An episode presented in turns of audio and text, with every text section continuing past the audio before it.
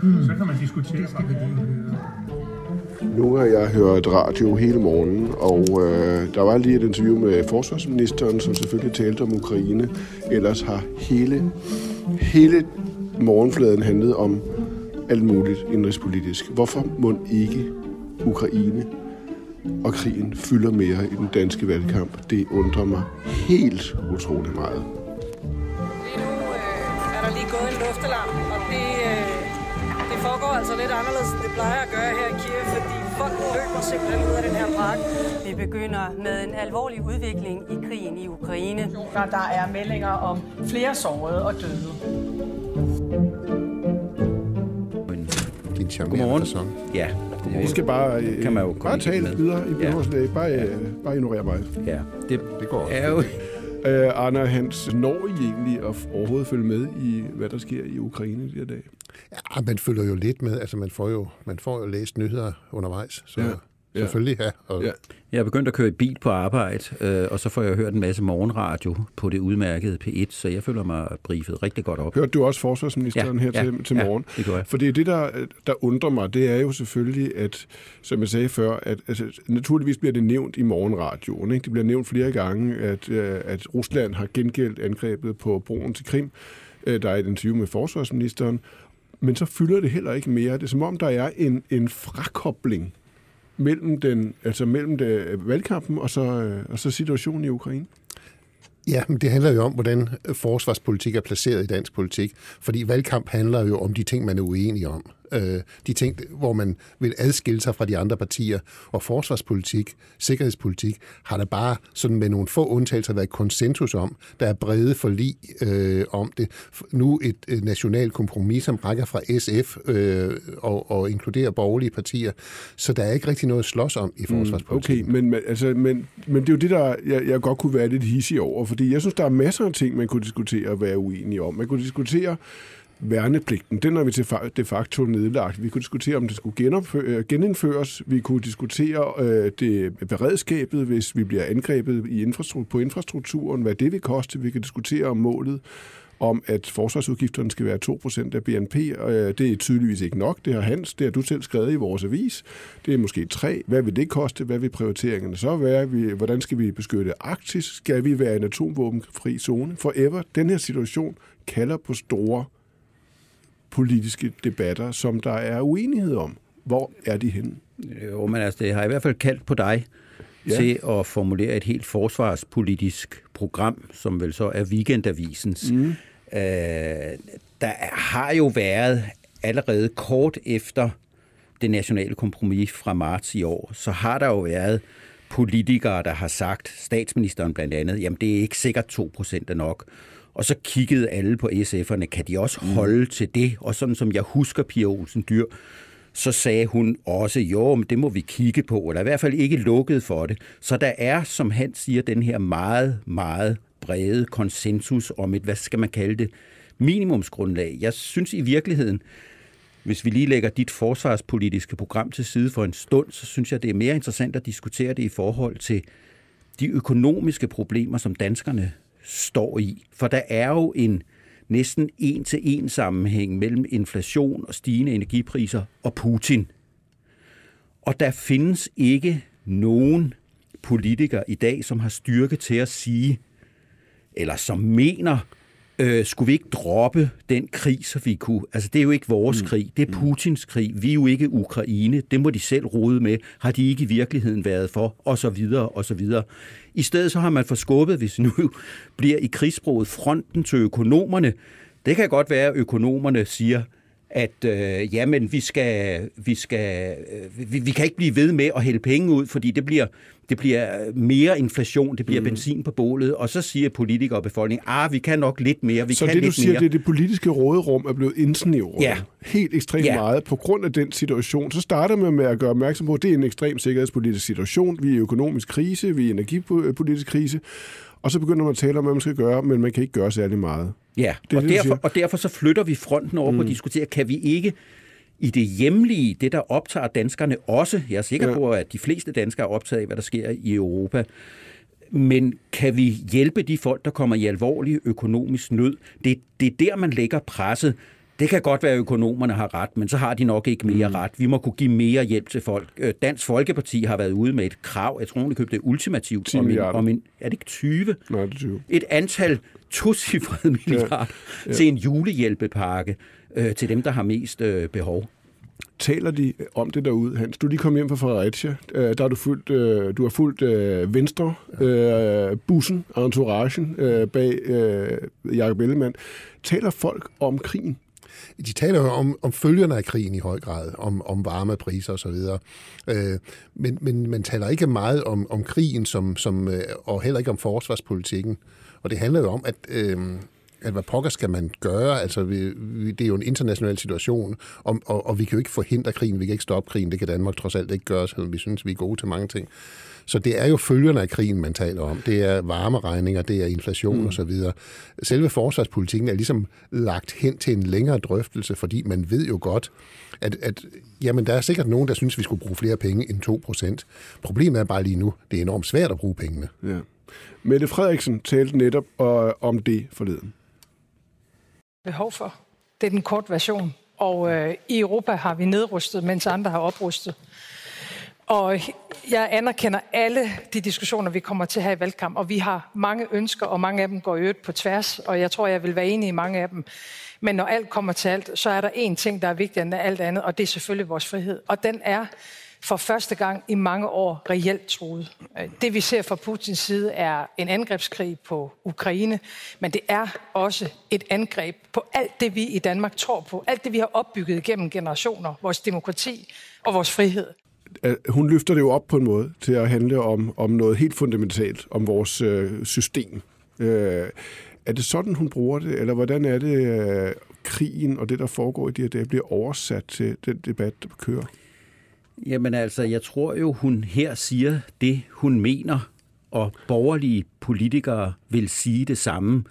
Friheden er ubetalelig i den forstand, at der er ikke noget loft over, hvor meget man vil give for det.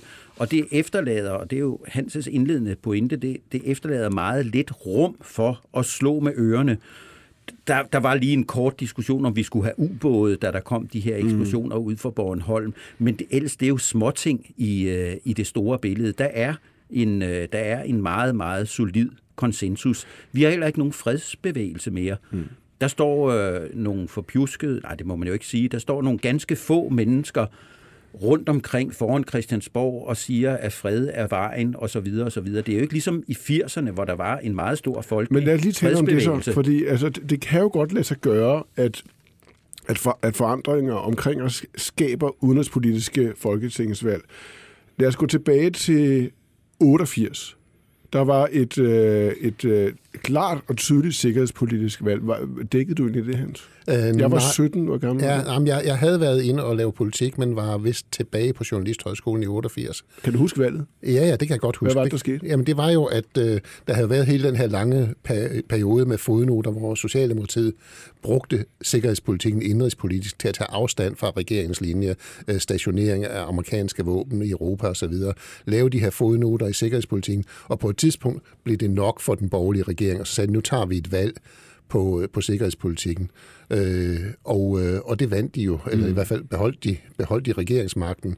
Og efter det, og det var jo en periode, hvor man kan sige, Socialdemokratiet skajede ud i forhold til den historiske øh, rolle, de ellers har haft siden 2. verdenskrig, hvor de jo bakker op om NATO, bakker op om forsvars- mm. og sikkerhedspolitikken. Så skajede de ud i den periode, og så blev det indrigspolitik. Ja.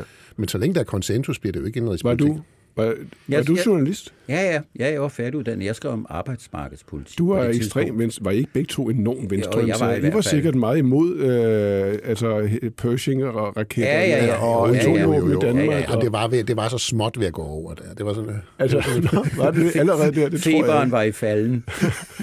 kan du huske det valg? Ja, det kan jeg sagtens. Mm. Det kan jeg sagtens. Og det var jo, det, det var jo, en, det var jo en, po, en epoke, en meget kort epoke med fodnoterne, fordi de radikale blev jo så flyttet over på Slytters side, og de to andre små midterpartier blev smidt ud i mørket. Mm. Og så var der en ny fase, og så var vi ved at gøre os klar til, at nu hed det udlændingepolitik. Det begyndte så småt at rumle i Så det valg fik konsekvenser? Ja, det gjorde det. det gjorde det virkelig. Man taler om, at der var, har været to udenrigs- og sikkerhedspolitiske valg overhovedet siden 2. verdenskrig. Det andet var meget tilbage i 40'erne. Ja, det Hvornår var, det var? det, kan, den kan du lige huske. Jamen, det var, var, var det 47, det var det, øh, med Venstres Knud Christensen. Der var jo, der var jo en, en masse rummel, efter at Tyskland havde tabt øh, krigen, og der var et spørgsmål om, den danske grænse skulle flyttes sydpå, og specielt galt det vist nok Flensborg. Og der fandt Venstres leder Knud Christensen så på som privatperson at mene, at det var en god idé, mens han som regeringsleder øh, ikke mente, at det var en god idé. Jeg, jeg er måske lidt farvet af, at jeg lige har læst op på det hos Søren Mørk, og han er ikke meget, han, ja, han er ikke meget imponeret mm. øh, af den bedrift, det forsøg på at splitte ad. Og det gav jo kæmpe, kæmpe konsekvenser. I sidste ende forlod Knud Christensen Venstre. Øh, Konservativ kom til at lide meget derunder, og Socialdemokraterne fik magten, og siden har grænsen jo ligget og er forblevet fast. Men, men det dækkede vi heller ikke det valg. Nej, Lige, lige akkurat ikke. Nej. 47. Øh, okay, så, det, så pointen er, at der skal være en interesse, indrigspolitisk interesse, splittelse, uenighed, for at forvandle en, en, en uh, international situation til et indrigspolitisk folketingsvalg. Jeg tror også, det, jeg tror også det vil, der er nogen, der vil opfatte det som dårlig stil simpelthen at begynde at lave det ved jeg ikke. Altså, hvorfor, Jamen, det- bruger, hvorfor bruger Jamen, de nu er borgerlige ikke det her? Lad mig, lad mig også spørge, hvorfor bruger de borgerlige ikke det her meget mere offensivt? For der ligger jo et eller andet og lurer over på venstrefløjen. Altså, hvis vi skal bruge flere penge, så vil der jo begynde at opstå nogle sprækker. Enhedslisten, Alternativet, altså, det kan jo være ret væsentligt, hvor meget støtte de partier får. Øh, dem kunne man jo godt gå ind og drille meget klart og præcist med sikkerhedspolitiske argumenter. Jo, men der har været sådan en accept af, at det bliver lavet øh, bredt, og, og enhedslisten kan så få lov at brokke sig, og Alternativ kan få lov at brokke sig, hvis de vil det. Øh, det eneste, man kunne sk- øh, ligesom skive fra, det var måske SF, hvis de ikke kan holde til flere udgifter. Men de borgerlige ved jo godt, at det her er svært. Mm. Det kan godt, man kan godt øh, bevilge en masse penge til forsvaret. Problemet er lige nu ikke, at man mangler penge, men at man, man mangler, øh, man kan ikke købe noget for de penge. Der er simpelthen mangel på våbensystemer, der er mangel på, på alt muligt. Så lige meget hvor mange penge man bevilger, så fik man dem ikke brugt. Mm. altså man har jo næsten glemt, hvor mange pryl enhedslisten fik op til... For et halvt år siden. Ja, netop efter udbruddet af krigen. De havde noget med, at det egentlig var USA's skyld, at, at Putin oprustede på grænsen til Ukraine, og de ville demonstrere foran den amerikanske ambassade. Og så fik de, også fra vores avis, øh, så mange tæsk, som der kunne ligge på dem. Og nu tror jeg nok, deres position for tiden er, at de vil egentlig på en måde gerne ud af NATO på et tidspunkt, men i hvert fald ikke for nærværende. men, men hvorfor er det, de borgerlige ikke tager det op og udnytter fordi, den her situation fordi de til, har lagt sig til at fladt. skabe en front? Jamen, du, du- kan ikke skabe en front, fordi de vil sige, at der, der er ikke noget at komme efter. Vi, vi ligger fuldstændig stille. Mm. Meget betegnende, as we speak, mm. så har seks øh, borgerlige regeringsledere indkaldt til pressemøde øh, her senere i formiddagen. Det er Partiledere, dog ikke regeringsledere Nej, undskyld, Altså, undskyld. ja, Parti- selvom der sikkert er nogen her i huset, nok der er vil- der. der vil ønske det. Øh, hvor de vil diskutere valgfrihed øh, for den enkelte borger over for systemet. Man har simpelthen sit fokus et sted, hvor man tror, det Okay. er muligt at bevæge vælgerne. Men det er jo bare, øh, måske skal vi runde af, men det, det, så, så er det måske det, jeg er ude efter. Der forekommer at være en eller anden form for, for manglende øh, og- opmærksomhed eller, eller, eller lydhørhed over for, hvilken situation Danmark og verden egentlig, Europa egentlig er i. Altså, der hænger en kæmpe banner nede på Nørreborg station med Jacob Ellemann, hvor der står mere frihed, flere muligheder. Det føles skævt. Gør det ikke? Jamen, det føles... Mere valgfrihed. Øh, man kan selv bestemme, om man vil være, øh, skal have, skal, hvad man skal have spist på plejehjemmene osv. Sådan vinder vi jo ikke krigen. Nej, men det er et spørgsmål, om vi vinder krigen sådan helt mutters alene, mm. uanset om vi så brugt 8% på forsvaret. Øh, altså, det er, øh, det er ikke et politisk kampområde, og det har der været øh, en enighed om næsten siden 2. verdenskrig med, med, med de få undtagelser her. Så har der været enighed om, det er ikke noget, vi skal kæmpe om politisk, mm. fordi det her, det er, det er jo rigtig vigtigt.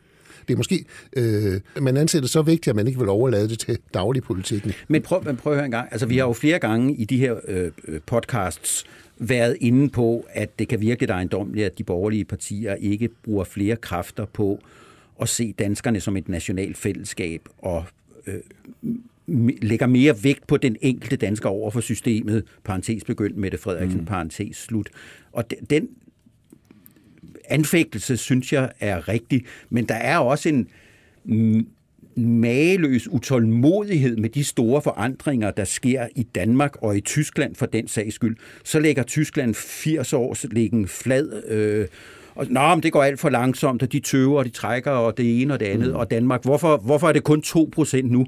Det er kæmpe historisk i mm. Danmark, at du har afrust vort landpartiet SF med til at sige, ja. vi bruger broderparten af de penge, der er til rådighed ja. i råderummet, på at sørge for, at der er krudt og kugler Så nok. det her, det her bliver ikke et sikkerhedspolitisk valg, det tror vi ikke på. Altså selvom vi alle sammen taler om, hvor anderledes situationen er. Hvor Nej, det bliver ikke et sikkerhedspolitisk valg, fordi der er ikke to sikkerhedspolitiske linjer at vælge imellem.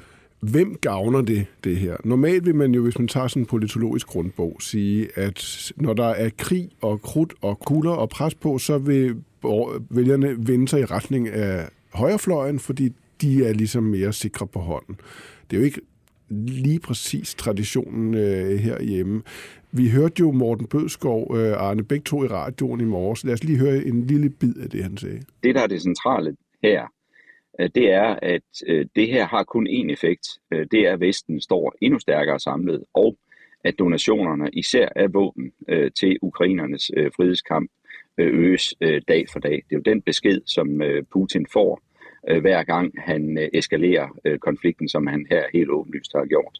Han virker jo utrolig stabil, og det synes jeg, han har gjort, øh, siden han overtog det embede. Og måske har det også noget at gøre med det bagtæppe, at han overtog det fra Trine Bremsen.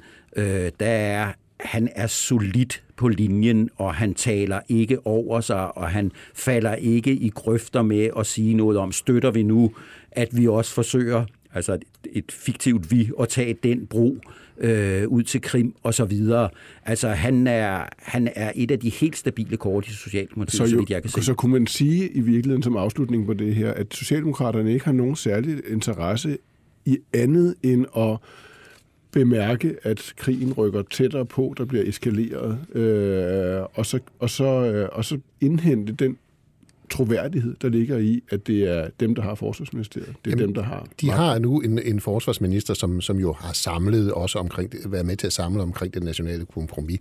Altså, jeg, jeg færdes nogle gange i forsvarsministeriet, og man kan nærmest se, hvordan skuldrene er faldet ned over, man endelig har fået en, man kan have med at gøre. Mm. Øh, plus så, en sag jo. Ja, ja, plus en sag, og, og, og alle er sådan set glade og tilfredse, og, og han er god til også at, at samle forlispartierne osv., så, videre. så, så han har skabt noget konsensus, og så tilhører han jo bare den tradition i Socialdemokratiet, som er øh, på en stærk forsvarspolitik. Den generation af unge socialdemokrater, der græmmede sig over fodnoterne, og bagefter må du ud og sige, at det mm. var det værste, der er sket i deres partis historie. Okay. Tirsdag er det blevet så er der tre uger til valget. Hvad skal I i dag, resten af dagen?